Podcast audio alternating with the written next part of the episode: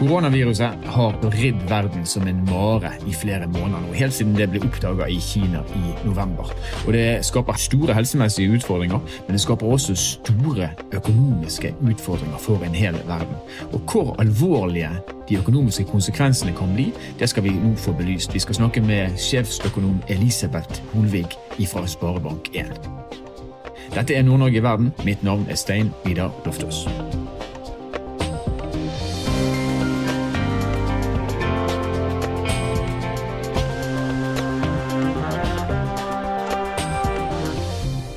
Koronakrisen den får altså stor innvirkning på økonomien både i verden, i eh, Norge og i Nord-Norge.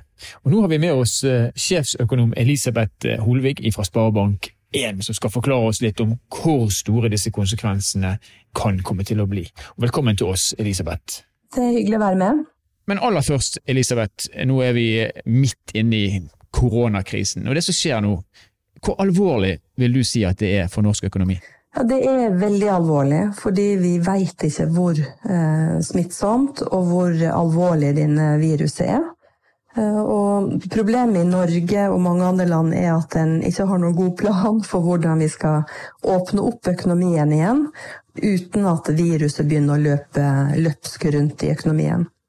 Så um, det kan bli en lengre nedstengning av uh, både norsk og internasjonal økonomi, og da kan vi få en ganske dyp eh, økonomisk krise. Ja.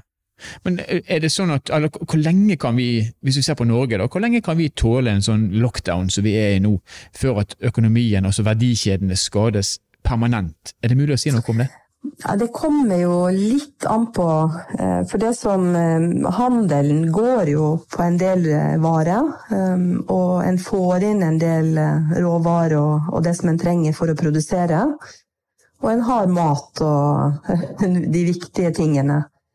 Så, så, det som først og fremst rammes, det er jo handel og service og turisme. Eh, og denne normale sosiale tjenesteaktiviteten. Mm. Og det er jo eh, et stort problem for de som blir ramma. Og så er det et stort problem for norsk økonomi og statsfinansene hvis dette trekker lengre ut i tid. Mm. For da begynner vi å få problemer med skatteinntekter, og at vi da kanskje har brukt veldig mye av oljefondet eh, for å holde hjulene i gang. Og når du snakker om oljefondet, så Mange sier jo at Norge er en særstilling. altså Vi er heldige fordi vi, vi har penger på bok, og vi kan på sett og vis betale oss ut av, ut av krisen. Men eh, hvor mye av oljefondet kan vi egentlig bruke, altså før at, man, eh, før at det gjør mer skade enn det gjør godt? Ja, Det er et veldig godt spørsmål. For det, som, det er klart vi skal hjelpe akutt nå de som har problem.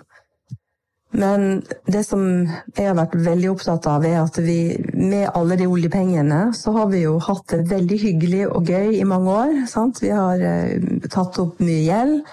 Vi har uh, hatt stor vekst i hytte og hus. Og vi har bygd ut uh, offentlig sektor og har veldig mange ansatt i offentlig sektor.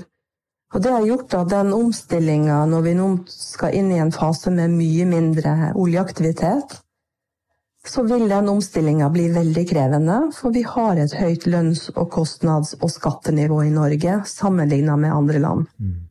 Så da blir det tyngre å få til den omstillinga. Og hvis vi nå faller for fristelsen til å bare ta fra oljefondet og sette i gang masse aktivitet eh, og holde oppe og kanskje øke offentlig sektor, så vil en jo bare utsette den strukturomstillinga som vi trenger i Norge. Jeg så forleden dag eh, i Dagens Næringsliv at eh, for det er mange meninger nå om, om, de grepene som regjeringen har tatt med å stenge ned, bruke oljepenger, om det er rett eller det er galt. Jeg så at eh, din kollega Kari Due Andresen fra Handelsbanken vel, hun, hun mente at det som regjeringen nå gjør, ødelegger norsk økonomi. Hva tenker du om det, og hvorfor er det så å si, mange trosretninger innenfor eh, deres sjefsøkonomer og, og makroøkonomer om hva som er rett og hva som er galt? Ja, Det tror jeg handler veldig mye om en er opptatt av å løse et akutt problem, eller om en er opptatt av hva vi skal leve og hvordan vi skal ha det på lang sikt i Norge. Og det er klart, hvis en lar mange bedrifter i privat sektor gå konkurs, så er det vanskelig å starte det opp igjen. Mm. Så derfor er det lurt at vi nå hjelper flest mulig bedrifter i privat sektor til å holde hodet over vann. Samtidig så må vi begynne å snakke om eh, det høye kostnads-, lønns- og, og skattenivået i Norge. Når vi skal omstille oss og kanskje bli konkurransedyktige i framtida, når vi ikke har alle de oljepengene. Um, med det tempoet som Norges Bank i dag kjøper um, valuta, altså veksler valuta fra oljefondet og putter inn i statsbudsjettet, så snakker vi om uh, minst 500 milliarder kroner. Og jeg vil jo tippe at hvis dette eh, varer litt eh, lenger, altså hvis en må ha en delvis stengning fram til sommeren, så vil en kanskje måtte doble det beløpet. Og da er det veldig mye penger en tar inn i norsk økonomi for å holde på en måte flytende en del bedrifter som kanskje ikke er de riktige bedriftene i framtida. Så dette blir en veldig vanskelig balansegang. Og så er det jo klart eh, at eh, å ha så høy offentlig sektor, så eh, store utgifter som vil kreve veldig høy skatteinngang i årene fremover, det er krevende. Ja. Hvis en skal starte med nye bedrifter og nye sektorer som skal ta over for oljesektoren, som har hatt superprofitt. Men Er du enig med Andresen når hun sier at det som nå gjøres, det har potensial til å ødelegge norsk økonomi permanent? Nei, det, det syns jeg eh, er vanskelig å, å, si om akkurat det hun sier er riktig eller gærent. Men eh, det er klart, vi står i en krise som er skapt fordi vi i alle disse årene med gode tider, så glemte vi å tenke langsiktig. Vi glemte å bygge opp beredskap. Mm. Vi glemte å tenke at det er lurt å ha norsk egenprodusert kapasitet som kan eh, produsere medisin og smittevern og, og, mat og utstyr hvis det blir en krise. For vi lente oss på at det ordner seg. ikke sant? Mm. Det har vært mye billigere å kjøpe fra Kina. Eh, vi har jo fått varene just in time når vi trenger det. Billig. Men det har vært en strategi som i dag viser seg å være veldig eh, gjort oss sårbare. Mm. Og det er jo en stor diskusjon. Hvordan skal vi rigge norsk økonomi for framtida? Selvfølgelig skal vi ha åpne grenser og handel. Det er veldig bra.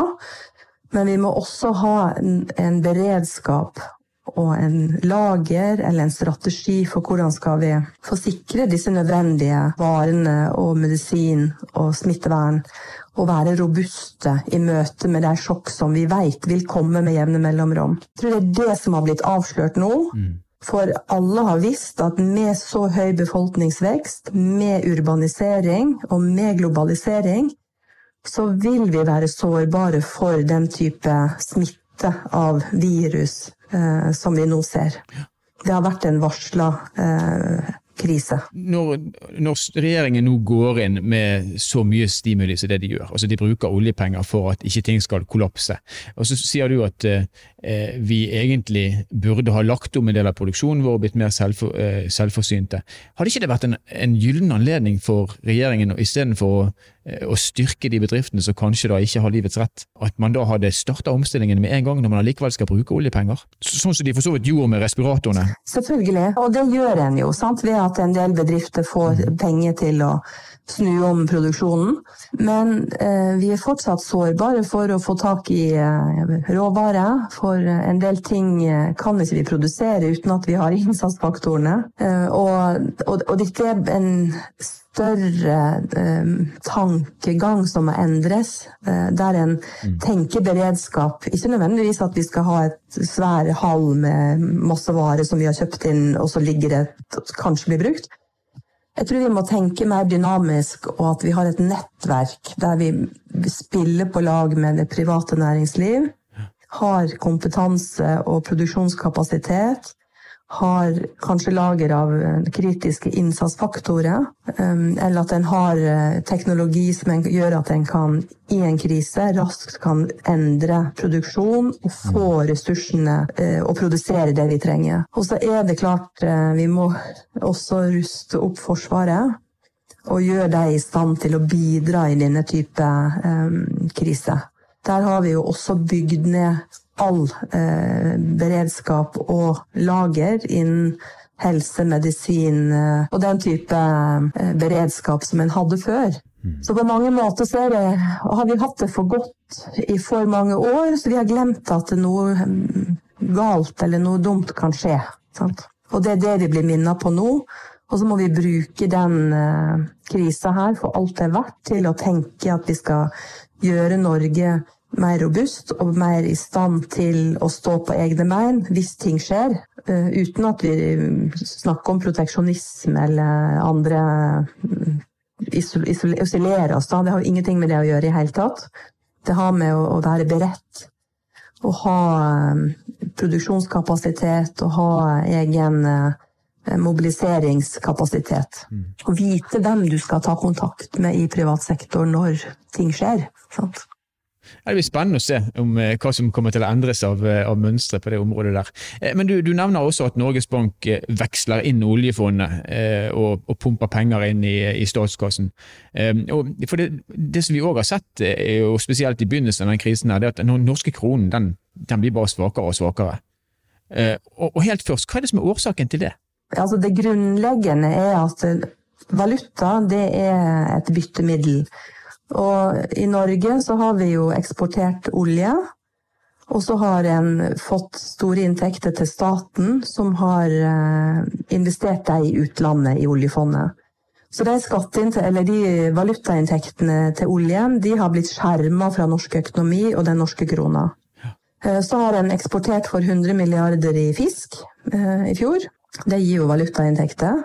Men så importerer jo vi nesten alt eller, av det vi forbruker og kjører rundt i og, og eh, har i hus og hjem. Så vi har et underskudd på handelsbalansen utenom olje på 250-300 eh, milliarder kroner. Mm. Så da går kapitalstrømmen ut av Norge, og det gir en svakere krone. Og så er det i tillegg til veksling av varer, så er det hva skal investorer, de som har penger, hvor skal de eh, investere? For vi ser jo at enkelte land blir veldig populære å investere i, og da blir den valutaen sterk. Mm. Men i Norge så de siste årene så har jo vi hatt en nedgang i oljeaktiviteten, som før var veldig interessant for utlendinger å investere i. Nå er ikke det noe interessant. For nå er den næringa på vei ned, og det er mer populært å investere i grønne ting eller investere i oppgangen i USA. Eh, og da går kapitalstrømmen til andre land for globale investorer, og for norske investorer, du og meg og våre pensjonspenger, de har også i større grad begynt å investere i grønne ting og i andre land. Så da går både den internasjonale kapitalen til andre land, den norske sparekapitalen går til andre land. Og det er få investorer som vil bygge fabrikker og kjøpe opp noe i Norge. Ja. Og alt det er et tegn på at vi i Norge ikke er et like attraktivt land å investere i. Både fordi konkurranseevnen har blitt kraftig svekka med høy lønnsvekst, svak produktivitetsvekst og høyt skattenivå fordi vi har eh, denne store offentlige sektoren. Så Kronekursen er et tegn på at vi har en eh, sårbar eh, struktur i norsk økonomi. Og eh, det var jo et varsel som, som jeg skrev om i flere år, at vi må lytte litt til valutamarkedet, fordi det er faktisk der de mest profesjonelle investorene avslører hva de gjør i praksis. Mm. Og de har ikke investert i Norge. Og da må vi være litt ærlige. Hvorfor er ikke vi så interessante lenger som vi var? Eh, og den krisa vi står i nå, den avslører jo at jo, vi har faktisk eh, glemt å, å bygge ut beredskap. Vi har glemt å eh, forberede oss. Vi har, vi har, ikke så mye produksjonskapasitet. Vi er ikke så selvforsynt som vi trodde. Mm. Og da er vi jo helt avhengig av å måtte importere til hvilken pris som helst når vi står i en akutt krise. Ja. Og Det er en ulempe, men hvis du snur på det, så kan man jo si at Norge er jo også et land som eh, eksporterer mye. Olje har du nevnt, og for oss som kommer fra Nord-Norge, så eksporteres det enormt mye fisk. Og En lav kronekurs gir jo høyere inntekter. så Er det bra, eller er det dårlig? Går det an å svare på det med en lav kronekurs? Ja, altså Det er jo bra akkurat for de som eksporterer. Mm. Men det er dårlig for samfunnet fordi det skyver Altså det tilslører at vi har et konkurranseproblem. Mm. Så det er litt som å tisse i buksa når det er kaldt. Ja, det hjelper, absolutt, men det, det hjelper liksom ikke på sikt. Nei. Da må du fortsette. Eh, for det som har skjedd de siste årene med den svake kronekursen, det er jo at lønnsveksten har fortsatt. Og de siste to årene så har offentlig sektor blitt lønnsledende. Mm. Så da øker en jo aktiviteten og størrelsen på offentlig sektor, og så øker en da kostnaden for Norge, som krever høyere skatteinntekter i framtida. Ja. Og det er jo i privat sektor du må hente de skatteinntektene. Så da veit jo de som investerer at ok, det er svak kronekurs, det er bra, men hva skjer i framtida? Mm. Og det har jo vært en stor debatt om ressursrentebeskatning av eh, eh, både fiskeri, oppdrett, nye kvotemelding, hvordan kan du øke beskatning av fiskeri? Uh, kraft, det samme. Og det gjør jo at selvfølgelig du får høyere skatteinntekter på kort sikt, men på lang sikt så undergraver du de næringene sin altså At det er interessant for investor å investere i Norge i de næringene, når de da kan investere i andre land som har eh, sterkere konkurransekraft og lavere skatt. Så det blir eh, Hvis en ser litt på gjør som et tankeeksperiment at vi hadde hatt euroen, da, fast valutakurs, så hadde ikke vi kunnet Eh, tilsløre vårt konkurranseproblem med å svekke kronekursen. Da hadde vi måttet eh, se at konkurransekraften ble svekka og eksporten svekka, og så måtte vi gjort grep mye før. Ja. Og Det gjør vi kanskje ikke fordi vi foreløpig har råd til å la være, men sånn vil ikke fremtiden bli. Men du, nevner, du, du nevnte i sted at, at sentralbanken veksler inn aksjer, og så eh, leser man opp i det hele at sentralbanken også driver med støttekjøp av den norske kronen for at man ikke skal, eh, eller for, for at den skal styrke seg. Da. Hva er egentlig et støttekjøp, og, og hvordan, hvordan, fungerer det? Ja, eh, Støttekjøp det er rett og slett at sentralbanken kjøper norske kroner og bruke av sine valutareserver til å gjøre det. Eh, nå skal jeg være klar over at Norges Bank gikk jo ut og sa det i en akutt likviditetskrise, midt i en enorm krise i verdens finansmarkeder, som bunna i at uh, i en krise, og når dollaren er verdens reservevaluta, så trenger alle banker dollar. Og en trenger å, få, å selge det en har av sikre ting for å få likviditet. Um, og uh, det var en skrikende mangel på dollar i markedet.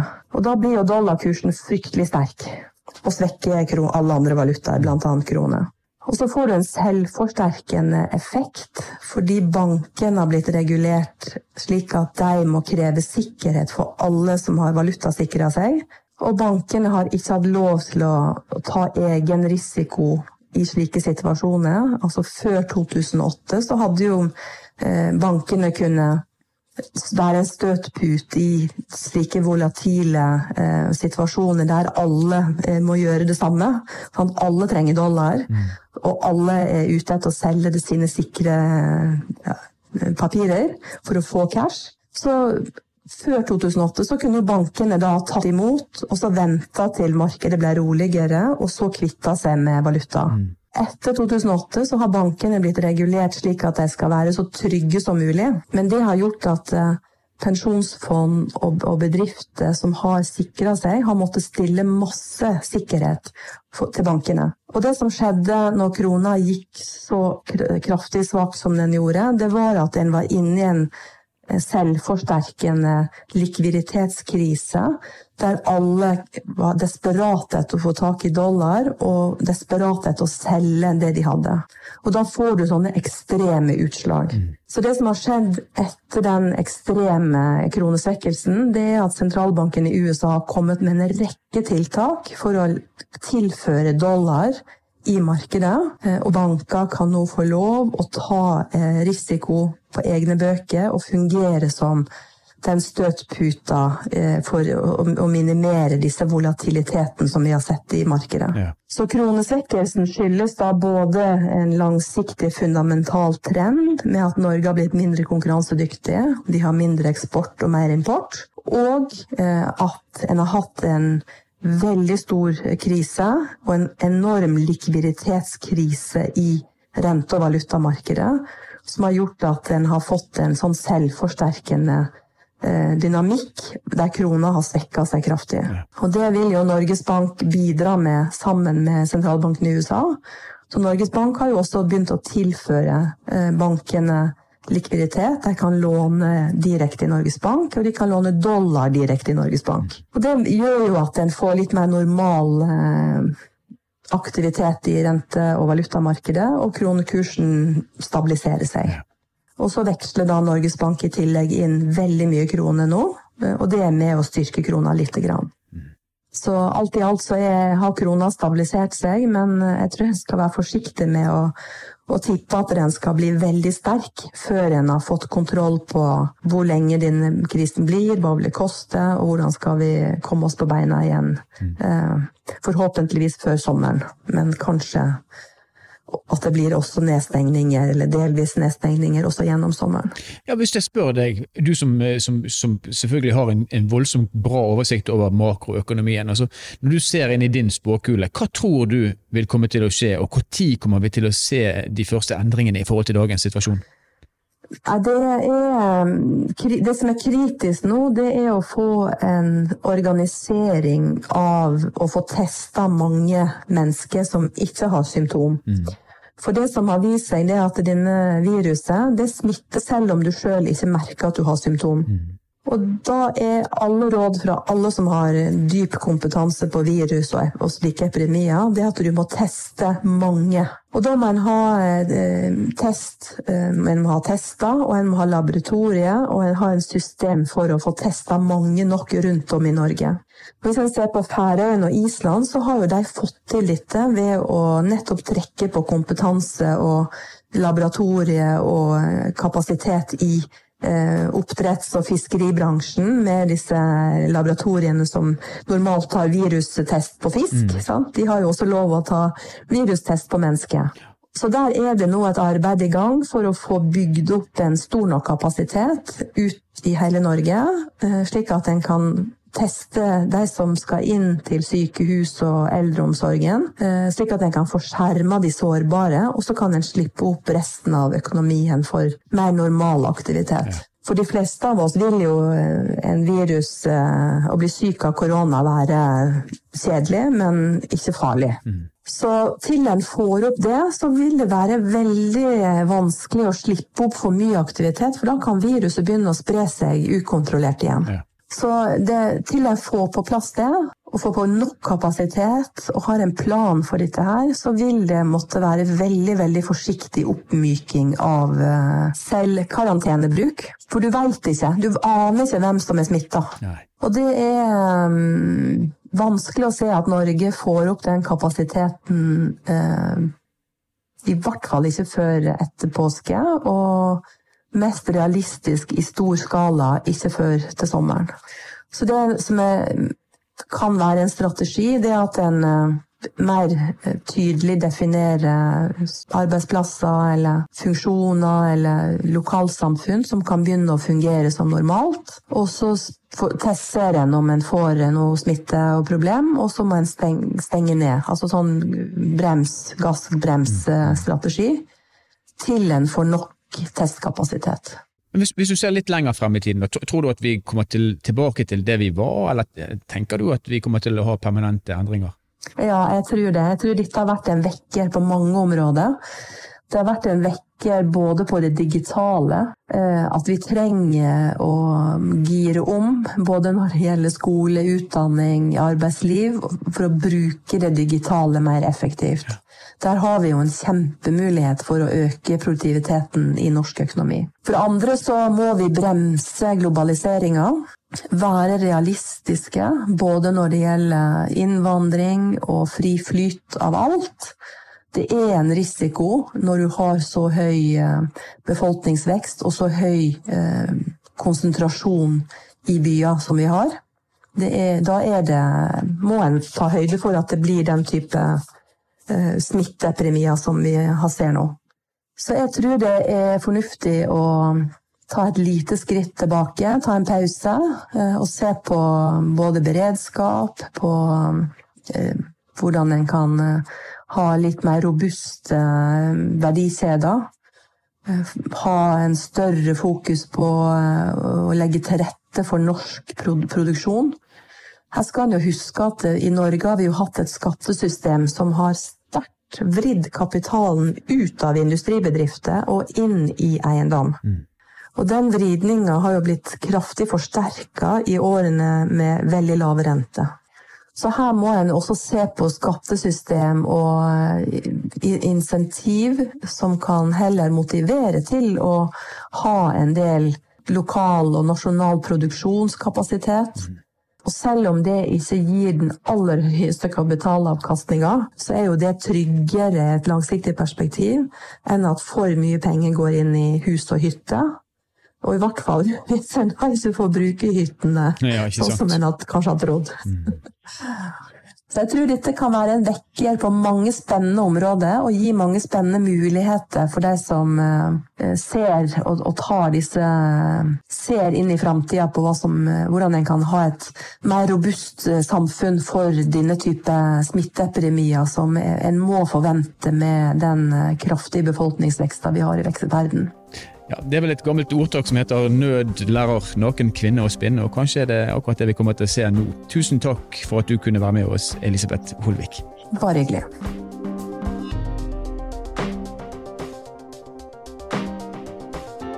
Så de økonomiske konsekvensene av koronaviruset er ekstreme og konsekvensene blir større og større for hver dag som går uten at vi får kontroll med viruset. Og Så gjenstår det å se da, om verden kommer til å vende tilbake til det normale når man har fått kontroll, absolutt kontroll, eller når man har fått en vaksine på plass. Eller om eh, vi kommer til å se en hverdag som kommer til å bli endret. I denne episoden av Nord-Norge i verden har du fått uh, høre sjefsøkonom Elisabeth Holvig fra Sparebank1. Musikken du har hørt, er laget av eh, Emil Karlsen.